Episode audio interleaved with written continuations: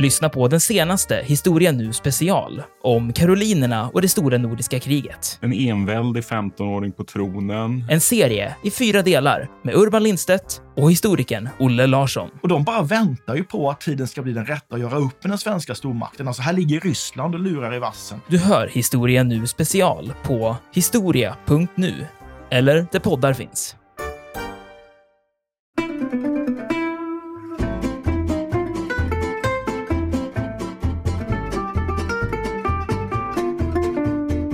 Salomon Ludvig Lam idkade också annan verksamhet.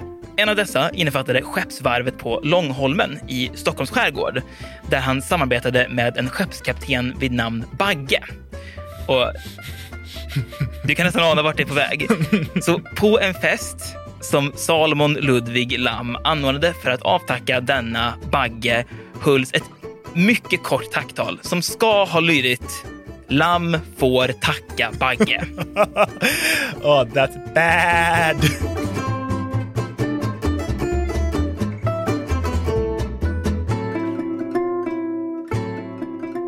En oväntad historias sommarvikarier Aron Schurman och Viktor Wallén är två poddare som tagit allt för många akademiska poäng i historia. I sommar vikarierar de under sex veckor för Olle och Andreas.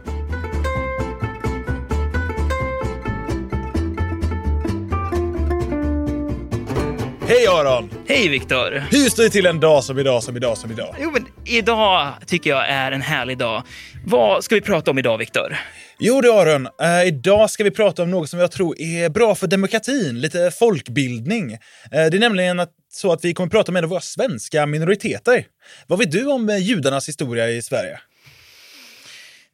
Det, det vore ju en lögn att säga något annat än att det första som poppar upp är Förintelsen. Det, det, det är liksom i huvudsak det som jag har lärt mig. Mycket mer än det kan jag nog inte ärligt säga att jag minns från grundskolan. Ja, men precis. Ja, men när jag tänker tillbaka på min skolgång var det väldigt, väldigt sällan jag hörde någon lärare berätta någonting om någon av våra nationella minoriteter. Eh, romer, samer, sverigefinnar, tornedalingar och just judar är Sveriges erkända minoritetsgrupper. Dessutom är jiddisch ett av våra nationella minoritetsspråk ihop med finska, meänkieli, romani chib och samiska. Men jag känner att, eh, som du också liksom så visar här, är att många av oss känner inte till så mycket om våra minoriteters historia på det stora hela. Eh, och när jag gick i skolan fick vi, liksom dig, bara höra talas om judars historia när vi hade lektioner om förintelsen. Det är inte så konstigt i sig, eller det är, det är, inte, det är inte dumt på så vis, för att det är ju en superavgörande händelse under 1900-talet, alltså förintelsen. Och det är så nära inpå liksom och, och, och touchar så många grejer som, som fortfarande är viktigt för våra värderingar. Så det är inte konstigt egentligen att förintelsen spelar en så stor roll i ja. utbildningen. Nej men absolut, det är jättebra poäng. Alltså vi behöver ju kunna lära oss om förintelsen för att förstå liksom så hur det har ska, liksom format judarnas moderna historia och så. Men i och med att vi nästan bara lär oss om judarnas historia i relation till förintelsen så blir det lite skevt eftersom det finns en annan rik historia som tillhör just det judiska folket. Inte minst liksom judarnas historia här i Sverige. När vi inte lär oss om den så glömmer vi att de judiska människorna som bodde här i landet räknades som andra eller tredje klassens medborgare ända in till år 1870. Och sådana tendenser ligger kvar redan nu ett eh, antisemitiskt hot och hat mot den här gruppen. Men jag tänkte att vi ska fokusera på just den här tiden innan svenska judar fick fullt medborgarskap. Detta skedde den 16 februari just 1870. Jag tycker alltid det är bra att eh, förankra historien i just människor. Och vem börjar vi med då? Vi ska börja med en man som nämns för första gången i ett brev från Gustav Vasa, doktor Philippus Wolff. Brevet är skrivet den 9 oktober 1557 och i det så skriver kung Gustav om en konflikt mellan sina två livläkare. Wolf nämns faktiskt inte i brevet vid namn. Han kallas bara citat “den juden”. Slutcitat.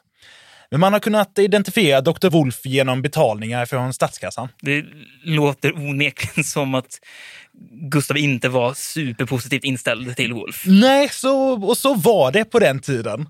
Eh, den judiska befolkningen i Sverige var länge väldigt liten jämfört med andra delar av Europa.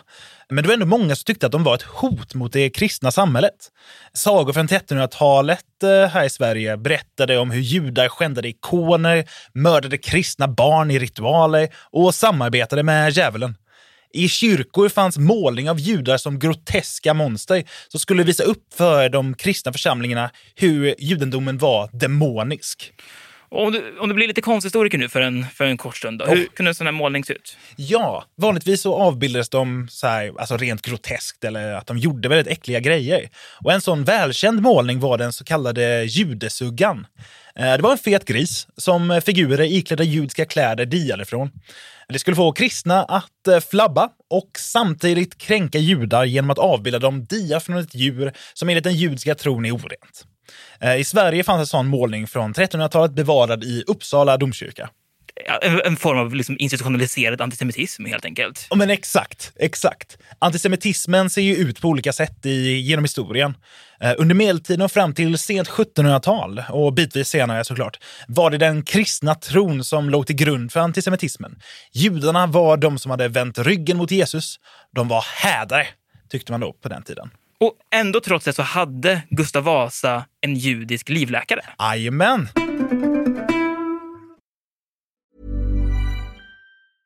A lot can happen in three years, like a chatbot may be your new best friend. But what won't change? Needing health insurance. United Healthcare Tri Term Medical Plans, underwritten by Golden Rule Insurance Company, offer flexible, budget friendly coverage that lasts nearly three years in some states. Learn more at uh1.com. Life is full of awesome what ifs, and some not so much, like unexpected medical costs. That's why United Healthcare provides Health Protector Guard fixed indemnity insurance plans to supplement your primary plan and help manage out of pocket costs. Learn more at uh1.com.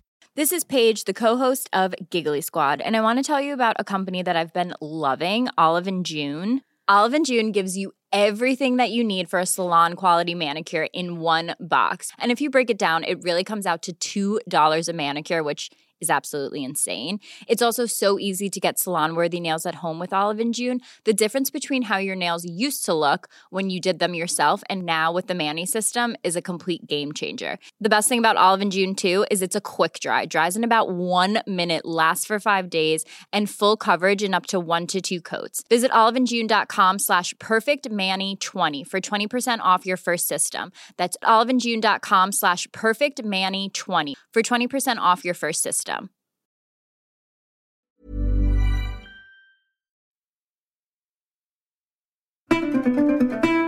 Philip Wolff var ett av undantagen, liksom. Eh, för han var kunnig inom läkekonsten. Eh, Så kunnig att till och med en kung ville bli behandlad av honom, trots att han tillhörde den demoniska judendomen. Men han var ett undantag för att han var nyttig, vilket är Aha. ett väldigt viktigt nyckelord. Så de, de liksom behövde förtjäna sig till att vara i Sverige, kan man säga. Ja, men mer eller mindre så, ja. En som inte tvingade dem att förtjäna det var drottning Kristina. Hon välkomnade det fåtal judar som flydde till det kalla Sverige. De var ofta till exempel läkare eller bankirer, också de nyttiga. Och drottning Kristina fortsatte stötta judiska flyktingar och utsatte även efter att hon abdikerade och hamnade i Rom. Annorlunda var det med Axel Oxenstierna. När det föreslogs att man skulle ta in judiska köpmän till Göteborg för att utveckla handeln så sa han blankt nej. Han tyckte hellre att Göteborg kunde bli, citat, en ringa och föraktad torparkoja, slutcitat, än att det skulle bo judar där. Och alltså även Oxenstierna, mannen som la grunden för den svenska statsapparaten. Även han såg judar som hädare. Men förändrades det här någonting när Sverige fick liksom någon slags religionsfrihet? Alltså under 1700-talet så kom det en del reformer som ju gav icke-lutherska grupper en viss frihet att utöva sin religion och att då tillhöra ja, men, icke-lutherska församlingar. Eh, Det var faktiskt en judisk man från Brandenburg som var en av de drivande krafterna bakom rörelsen för en ökad religionsfrihet i Sverige. Och du har något gemensamt med honom, Aron. Vill du gissa lite vad det är? Har jag något gemensamt med honom? Jajamän. Eh, oj, det... är det att vi båda har lite rödlätt hår? Oh, nej. Eh, Jag skulle säga att ni ändå ha, hade lite krulligt hår. Okej. Mm. Men det kan ju vara att eh, han hade peruk. Som då hade Ja, den skulle det tiden. kunna vara. Ja, Men vad, vad, vad, vad har vi för likheter? Jo, men det är ju att ni har samma namn. Ja, ja. Eh, Aron. Exakt. Ah, okej, ja. Mm. Och han hette Aron Isak, den här mannen. År 1774 landar han i Stockholm på begäran eh, av flera högt uppsatta militärer i Sverige. Eh, Han var gravör till yrket, gjorde väldigt vackra sigill och annat i metall. Han hade lärt sig grunderna på egen hand och sedan vidareutbildat sig i London och i norra Tyskland. Imponerande. Alltså en väldigt företagsam grabb. Och hur som helst, han hade fått kontakt med svenskar under sjuårskriget och gjort riktigt god vinst på de affärerna som han hade gjort med dem. Så när han kom hit så var det för att eh, tjäna pengar. Var, var det lätt liksom att etablera sig när man kom hit i ett sånt syfte, skulle du säga? Absolut inte. Eh, det tog honom eh, flera år bara för att eh, få lov att bosätta sig i Stockholm. Till slut så hamnade det här beslutet hos kungen och kungen sa ja och först då fick Arons fru och barn komma till Sverige. Så var hela familjen Isak bosatta i Stockholm. Men efter det så fick ytterligare tio judiska män lov att bosätta sig i stan. Och det är tillräckligt för att skapa en judisk församling. Och då, år 1776, så kan man säga att Aron Isak gjorde så att Sverige fick sin allra första judiska församling. Mhm. Men eh, jag, jag antar att det inte gick liksom hur lätt som helst. Det måste varit någon form av motvind här, eller? Ja, alltså det var en orkan av motvind som liksom mötte de här första etablerade judarna i Stockholm. Eh, Aron Isak skriver i sina memoarer att han inte vågade gå utanför dörren i flera veckor på grund av ilskna lutherska kristna som stod och bankade utanför. Flera tidningar skrev även att judar var kriminella och då det här hotet mot det kristna samhället som ju var en underliggande föreställning som fortfarande levde kvar. Typ de enda som var för den judiska församlingen var kung Gustav den tredje och den allra högsta eliten. Jaha. Men Gustav den tredje då är det ju alltså sent 1700-tal. Varför, varför liksom han och varför då? Jo, men en förklaring kan vara att eh, religion inte längre var lika viktigt för den här samhällseliten då efter upplysningen. Och det här var någonting som adelsmännen och framförallt Gustav III, liksom upplysningskungen, eh, hade tagit till sig. Och dessutom så kan det vara ett ekonomiskt tänkt bakom. Eh, som sagt så tyckte många att judarna skulle bevisa att de förtjänade att bo i Sverige. Och det kunde de göra genom att bidra till eh, samhällsekonomin. Eh, så de kunde liksom engagera sig i olika, handels, eh, ja, men, olika handelsföreteelser eller bli gravörer. Ja, ja mm, okej, men, men vänta lite nu, Viktor. För du, du sa att Aron Isak drev på för ökad religionsfrihet. Hur gjorde han det? Jo, jo, eh, han, fick en, alltså, han fick en väldigt stark närvaro bland riksdagsmännen. Han rörde sig i de mäktigas eh, cirklar och graverade deras sigill bland annat. Han hade dessutom ofta kontakt med kungen och många väldigt högt uppsatta inom den svenska statsapparaten och med många riksråd. På det viset gav han de fåtal judar som bodde i Sverige en röst. Och det liksom var på det sättet att efter han hade liksom landat i Stockholm så anlade staten tre små handelsstäder där icke-lutheraner fick bosätta sig och bedriva handel. Tyvärr flyttade ingen dit, troligtvis för att städerna låg i Finland. Jaha. Var, var flyttade de någonstans då? Jo, men det var till mina gamla orter, västkusten. Till västkusten? Jajamän, Marstrand närmare bestämt. Staden fick eh, frihamnsprivilegier på sent 1700-tal, vilket innebar att inflyttade utlänningar av annan tro fick bosätta sig där och bedriva handel. Eh, det var stort, för helt plötsligt dök det liksom upp nytt folk och bedrev just handel, alltså bland annat judar. Beslutet fick en verklig påverkan på ett sätt som eh, inte hade någon föregångare inom eh, historien. År 1779 så gav kungen tummen upp till ett eh, förslag om en slags begränsad religionsfrihet. Och det blev på riktigt 1781. Då röstade ständerna igenom det. Eh, kungen var väldigt noga med att säga att eh, det här kan inte komma från mig.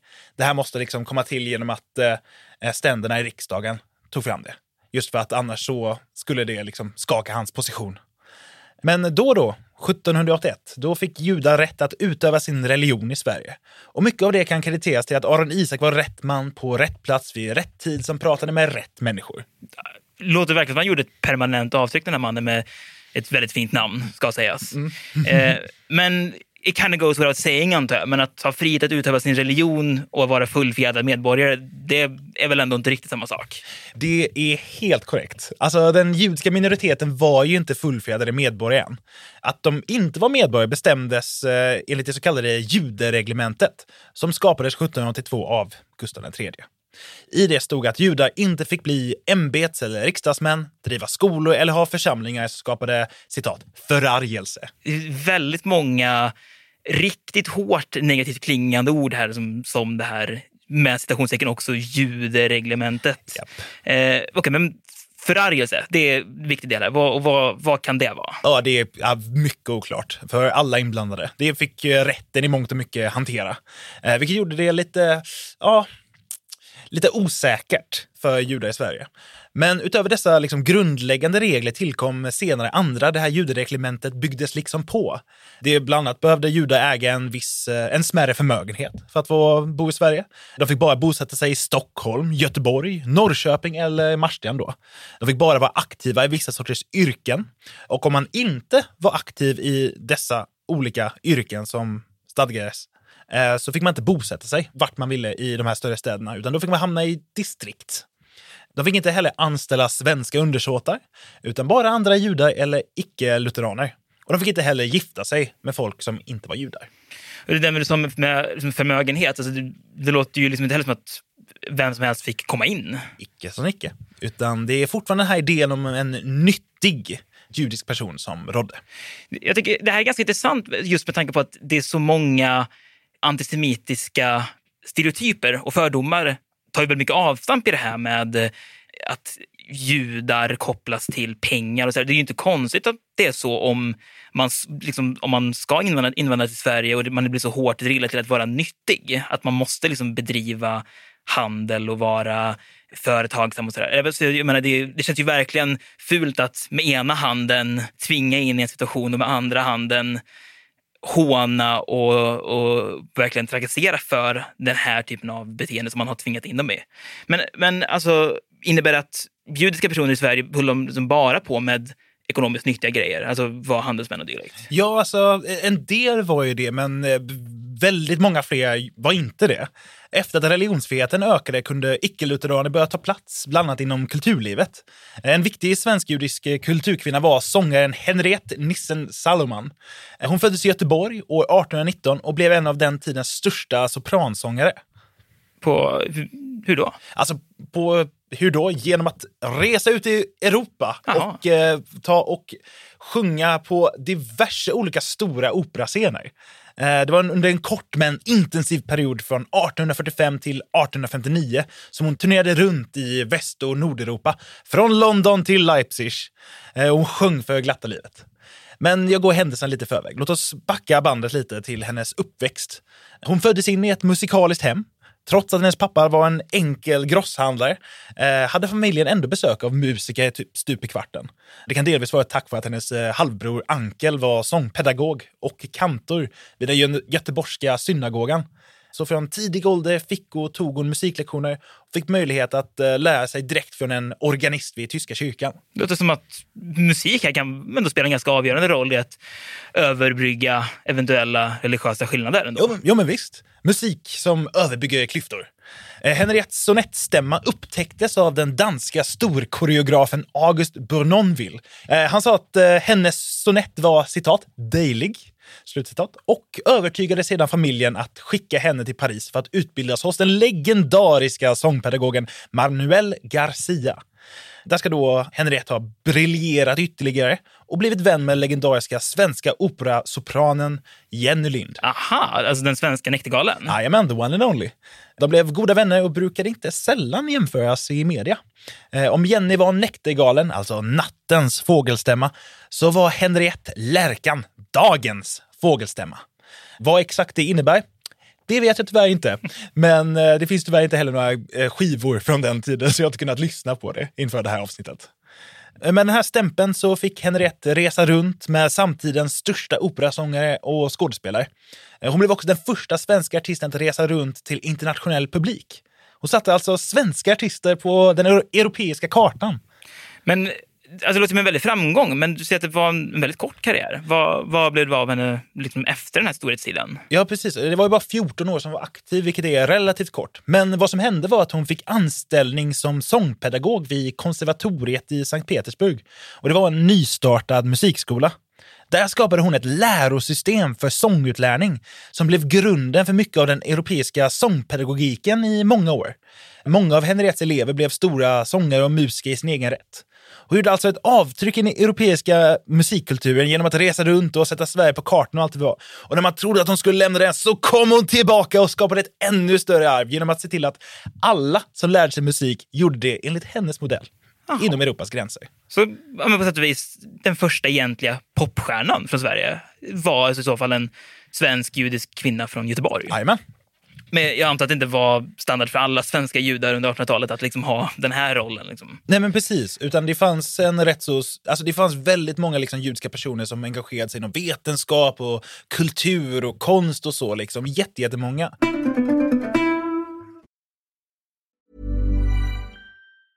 Life is full of awesome what ifs, and some not so much, like unexpected medical costs. That's why United Healthcare provides Health Protector Guard fixed indemnity insurance plans to supplement your primary plan and help manage out of pocket costs. Learn more at uh1.com. Hey, I'm Ryan Reynolds. Recently, I asked Mint Mobile's legal team if big wireless companies are allowed to raise prices due to inflation. They said yes. And then when I asked if raising prices technically violates those onerous two year contracts, they said, What the f are you talking about, you insane Hollywood ass?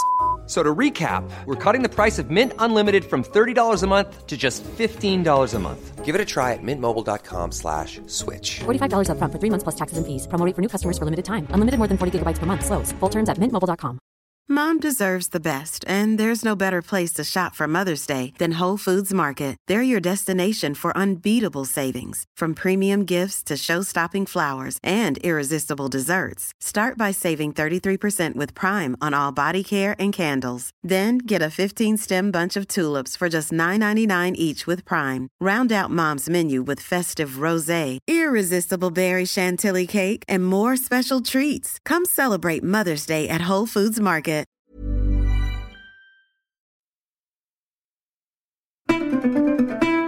Men sen det ju, finns det ju en, liksom en arena där många av den, av den svenska judiska minoriteten tog och engagerade sig.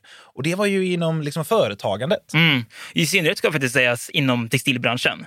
På alltså 1800-talet så dyker flera stora textilverksamheter upp som alltså ja, men då drevs av framstående svenska judar. Mm. Eh, Lester Meijersson drev ett sidenväveri i Stockholm som runt 1850 var Sveriges näst största.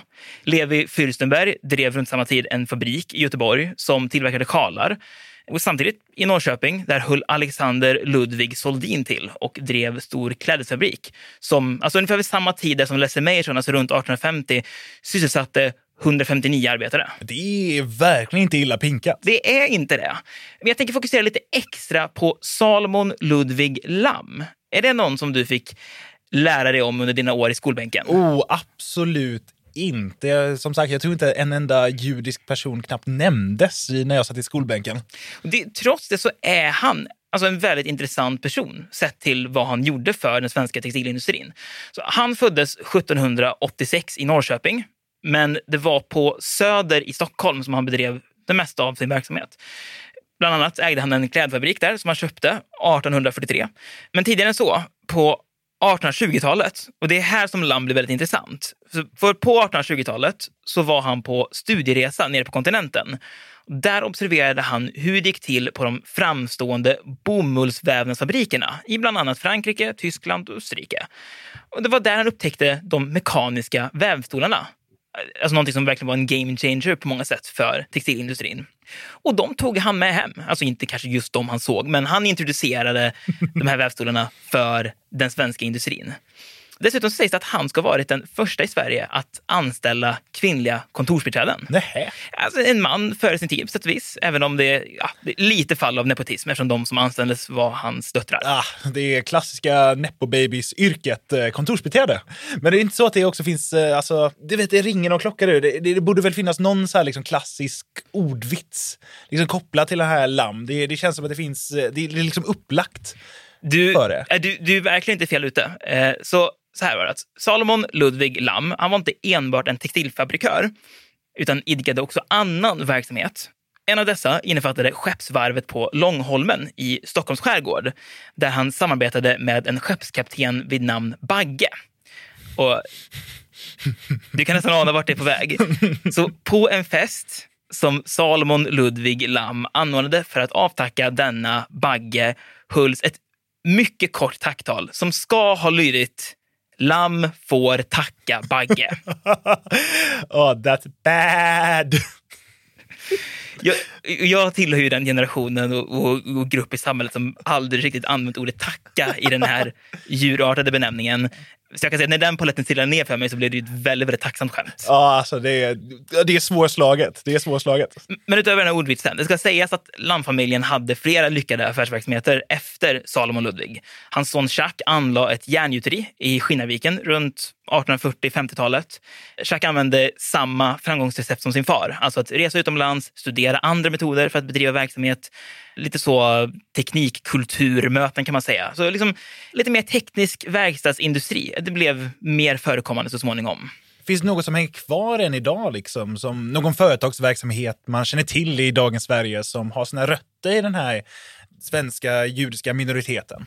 Faktum är att ett av Stockholms största och mest centrala varuhus än idag finns tack vare denna minoritet. Mhm. Så Josef Leja, född 1822 i Tyskland, han grundade 1852 12 år efter han anlänt till Sverige, Josef Lejas varuhus. Och det här höll till på Norrmalm.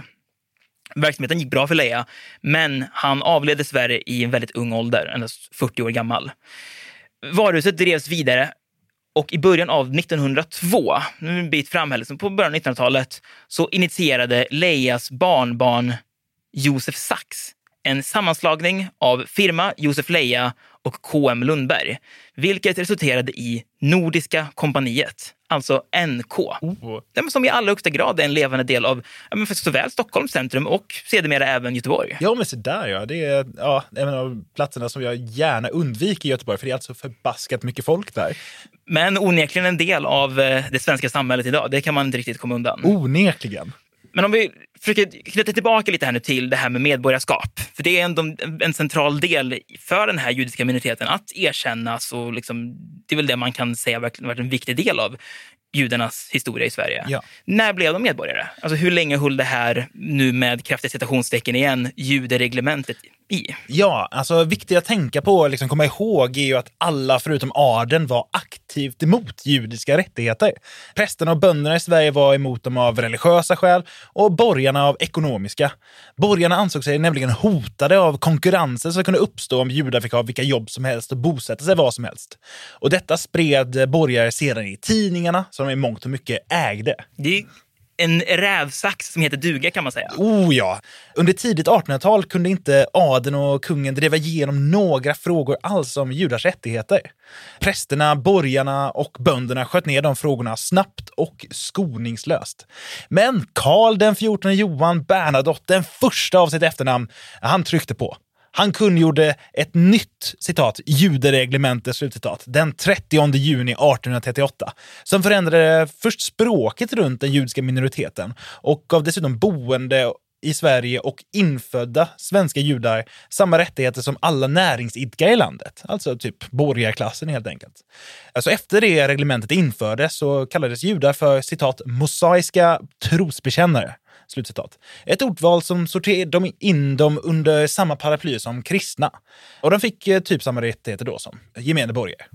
Det här kungjorde alltså Bernadotte, alltså, utan att, ut, alltså helt utan att någon sorts påtryckning från folket eller så? Ja, och det skiljer sig lite åt från vad hur Gustav III hade gjort. Han har ju velat att ständerna tog fram det. Medan Bernadotte var så här, bara nej, jag vet allt bäst. Och det gav hus i helvete. Under augusti och september 1838, en månad efter att det nya reglementet hade införts, så gavs det en folkhop på dem som ansåg sig, på, eh, på de som folkhopen då ansåg vara judesympatisörer och även flera judiska familjer. De stenade deras hem och anföll flera av deras bostäder. Och det ihop med påtryckningar från borgerligheten gjorde att kungen drog tillbaka en hel del av de rättigheter han gett judar. Riktigt jobbigt bakslag låter det som. Ja, men ändå fortsatte kungen och adeln att trycka på genom åren. Och svenska judar fick sakta men säkert mer jämlik status med svenska medborgare. Även om den första halvan av 1800-talet hade varit rätt så hård liksom, och tuff, så börjar man sakta men säkert vinna mark framåt mitten av århundradet. 49 fick de rätt att vittna i svenska domstolar. 1854 fick de bosätta sig i alla svenska städer, men de fick inte äga bostad i landsbygden utan kungens tillåtelse. 1860 så fick alla svensk-judiska medborgare rätt att bosätta sig var de ville i landet. 62 fick de rösträtt i alla kommunala val utom kyrkliga. Och 1863 fick de gifta sig med icke-judar, 65 fick de välja riksdagsmän och 1870 så får de slutligen rätt att även själva kandidera till riksdagen och andra folkvalda poster. Men kan man säga då att då, då slutligen räknas den judiska minoriteten i Sverige som fullfjädrade medborgare? Enligt alla lagar och regler, ja. Alltså den lagstadgade diskrimineringen mot judar var i stort sett över. Eh, men det är ju lite svårare att vända hundratals år av religiöst motiverat hat och antisemitism. Det är ju något vi fortfarande har kvar idag, om än i en annan form än vad det var då. Men vad många sa vid den här tiden och eh, vad några hatiska grupper ännu säger är att judarna var ett hot mot svensk kultur och det svenska folket. Men flera av de saker som vi idag stämplat som just svenska är faktiskt skapade av eh, svenska judar. Mhm, vad, typ vadå? Alltså, ska vi börja med någonting sött kanske? Någonting riktigt sött och sliskigt. Gustav Adolfsbakelsen. Ja, Eh, har du ätit en sån själv? det har jag kanske, men det är nog länge sedan. Ja, samma här. Jag tror, jag tror aldrig liksom så här, vi har gått på ett konditori och köpt den. Men det var faktiskt sockerbagaren Rudolf Rubensson som drev Bloms salong i Göteborg. Han hade liksom tillhörde judiska gruppen i Göteborg och han skapade just den här bakelsen för att fira att Gustav II Adolf-statyn restes på Gustav Adolfs torg i Göteborg år 1854. Men sedan också familjen Rubensson, de är ju samma familj som faktiskt skapade den moderna svenska reportern. Eh, Rudolfs son, som heter Maurits Rubensson, han anställdes på Göteborgs Handels och Sjöfartstidning. Och han var så, han, det här var helt nyskapande. Han ville vara på plats när någonting hände. Du menar alltså som en reporter? Som en reporter gör. Tidigare så hade man mer eller mindre tagit emot eh, liksom andrahandsnyheter eller källor och varit så här, ja men vi skriver om det här någon dag eller några dagar efter det hände. Men Maurits, han ville vara på plats och med egna ögon beskriva händelsen. Jaha. Eh, Så, så alltså modern journalistik i princip? Japp. Jaha. och därför kallas Maurits eh, för Handelstidningens flygande. Men eh, en av de som riktigt framstående kulturpersonligheterna och, och, och men i det här fallet nu kompositörer i Sverige, Georg Riedel. Mm. Ja. Är inte han också av judisk värld? Jojomän. Eh, och han är ju känd som en av Sveriges främsta jazzbasister. Men tillsammans med jazzartisten Jan Johansson så gjorde de skivan Jazz på svenska, eh, som är den mest sålda jazzskivan i hela Sverige. Alltså han har ju tonsatt en låt som jag tror alla svenska skolbarn har sjungit.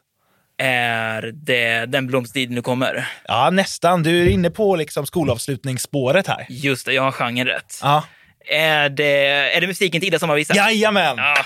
Snyggt! 10 poäng till dig. Ja, det var Astrid Lindgren som skrev texten, men det var Jörg eh, Riedel som tog och tonsatte Ida sommarvisa. Och även flera andra klassiska låtar som fortfarande sjungs på skolavslutningar. Men det var ju inte bara liksom, musik som eh, skrevs, eller liksom den, den här delen av kulturen som många judiska eh, familjer tog och etablerade sig inom. Vi har ju framförallt Bonnier. Just Och det. alla förlag och alla tidningar som liksom ägs av den samma familjen. Den ursprungliga patriarken var Albert Bonnier. Eh, och han grundade då på sent 1800-tal eh, den här stora förlaget, eller det som kom att bli ett stort förlag. Han satsade på många etablerade samtidsförfattare, liksom lite äldre klassisk litteratur och kända namn som han visste skulle sälja. Liksom. Det är, Men- det är ett makalöst bidrag till, till den svenska kulturen verkligen. Ja, gud ja. Men det som gjorde liksom att så här, Bonnier blev kanske, äh, fick det här stämpeln som eh, ett av Sveriges största förlag genom tiderna och liksom största kanske bok och tidningsföretag. Liksom. Det är att sonen Carl Otto Bonnier, han vågade satsa på nya författare. Bland annat eh, Selma Lagerlöf. Jaha, Jajamän. så hon är en, hon är en produkt där av, av liksom den här scoutingen från, från Bonnier som, jaha. Exakt. Och sen så var det lite intressant för då, det var också Bonnier var bland annat de som publicerade August Strindbergs liksom så första böcker. Men var det att de hade en lite komplicerad relation till Strindberg för att han, eh, han var sporadiskt antisemitisk. Och han kunde använda det lite när han ville och sedan var han tydligen hur liksom god som helst. För att sedan vända och anklaga dem för att vara i citat judesvin eller någonting annat. Får nog ändå säga att det låter lite så typiskt Strindberg. Ja, absolut. Han... Eh, he could play both fields, var riktigt hatisk och väldigt älskvärd. Men så har vi också någonting som eh, jag vet att jag tycker är väldigt, väldigt roligt. Okej. Men jag vet inte om du tycker det är väldigt roligt. Kör på, jag är väldigt nyfiken. Uh, Göteborgsvitsar. Okej. Ja. Det är faktiskt eh, en, eh, en judisk man Ja. som eh, krediteras med den första eh, Göteborgsvitsen. Är det eh, Lamm får tacka Bagge? Eh, nej, tyvärr. Det, det var nog... Jag vet inte om det var riktigt samtida, men eh, mm, ungefär samtidigt. Men det här var faktiskt så att det är en uh, hovfotograf från Göteborg. Han hette, som en annan trevlig herre, Aron eh, Jonasson i det här fallet. Bra namn. Ah, väldigt bra namn. Han var känd för sin kvickhet. Han kunde komma på en, ett skämt på bara genom en knäppning. Liksom. Ett toalettbesök och sen så satt skämtet klart. Där var det. Han skrev revyer och var kåsör i den då nystartade Göteborgs-Posten. Och han var en riktigt rolig filur alltså. Legenden berättar att Aron fick kung Oscar den andre att börja skratta. Eh, vad Oscar säger. Idag är du så kvick så det, så det blixtrade om det. Jag tror inte Oscar hade en Göteborgsdialekt, men eh, Vi kör på det nu. play along. Men på detta så svarar Aron. Blixtrar den ene, så Oscar den andre. Ja, det var fyndigt. Ja. Och sedan så var det, fanns det en, eh, han fotograferade en känd handelsfamilj som hette Korn. Och eh, Aron var ju då eh, hovfotograf och liksom så här, van fotograf. Eh, och eh, den här patriarken i familjen Korn, han var väldigt imponerad över hur Aron liksom förde sig runt ungarna. Liksom så här. Och då sa, då sa Aron, ja du vet, jag är ju van vid att fota kornungar. Så det är hans fel. Ja, det är hans fel. Att vi har fäder över hela Sverige som håller på. Ja, ja jo, det, ja, det, det må så vara, men det är likväl en central del av, av, av Sverige. Det, det kommer inte undan. Åtminstone en del av Sverige. Exakt. Det får ni ta. Ja, och sen så har vi ju alltså, så här, någonting som jag tyckte var jätte, jätteintressant. Är, det är ju att skolämnet slöjd kommer ju faktiskt från en judisk verksamhet. Ja, och det, det var liksom en gård i Näs som är strax öster om Göteborg. Det var en judisk familj som ägde den här gården och så kom Otto Salomon dit. Ihop med sin morbror August Abrahamsson så startade han upp ett, eh, en slöjdlärarutbildning i syfte att behålla den svenska hantverkskulturen. Det här var runt år 1870 och industrierna började sakta men säkert tränga bort de här traditionella småbygdshantverkerierna. Otto och August ville förhindra detta. Och genom att starta den här slöjdlärarutbildningen då så började det liksom flockas dit fler och fler lärare. Man börjar liksom få ut kunskapen och pedagogiken liksom så ut till fler och fler ställen i Sverige. Och i, alltså, i, i, längd, I längden så skapar de faktiskt skolämnet slöjd. Och den som inte haft slöjd må han tälja den första smörkniven. Exakt. det är också, åh, det är också då tack vare den här Otto Salomon och August Abrahamsson som vi har det otroliga talesättet ärad vare Gud i höjden, den har jag gjort i slöjden. Vackert. Otroligt vackert. Men med det här avsnittet, eh, ja, men det, det, vi har bara skrapat ytan här. Aron. Ja, verkligen. Det, det finns otroligt mycket att dyka ner i här. Men jag hoppas att genom det här avsnittet att vi har gett ett lite annat perspektiv på liksom, den svenska historien. Det har verkligen visat att det, det är judisk historia i Sverige är verkligen mer än vad som hände runt åren 1945. Alltså det, det finns verkligen en lång anig historia bakom där och väldigt, väldigt många framstående personer som har verkligen satt avtryck i Sverige. Exakt. Ja, för en del av den judiska historien är ju också svensk historia. Ja. Liksom en del av den svenska historien är judisk historia. Det är så pass enkelt. Men om man vill ta och dyka ner lite mer i det här så kan jag verkligen väldigt varmt tipsa om boken som heter just Judarnas historia i Sverige, som är skriven av Karl-Henrik Karlsson. Eh, Och med det så vill jag säga tack så mycket för den här veckan och det här avsnittet av En oväntad historia. Ses vi nästa vecka igen Aron? Det gör vi. Tack Viktor. Tack själv. Hej då!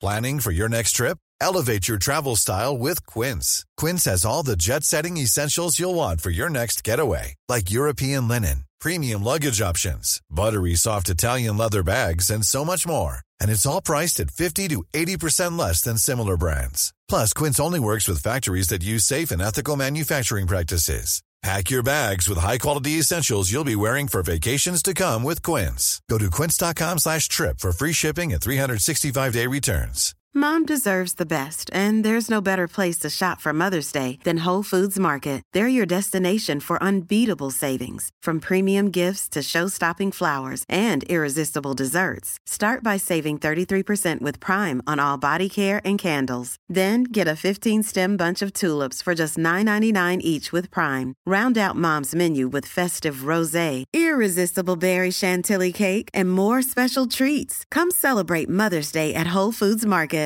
Even when we're on a budget, we still deserve nice things. Quince is a place to scoop up stunning high-end goods for 50 to 80% less than similar brands. They have buttery soft cashmere sweaters starting at $50, luxurious Italian leather bags, and so much more. Plus, Quince only works with factories that use safe, ethical, and responsible manufacturing. Get the high-end goods you'll love without the high price tag with Quince. Go to quince.com slash style for free shipping and 365-day returns. Iran har under 1900-talet genomgått tre omvälvande revolutioner som orienterat landet antingen mot västerlandets modell eller mot en auktoritär styrelseform.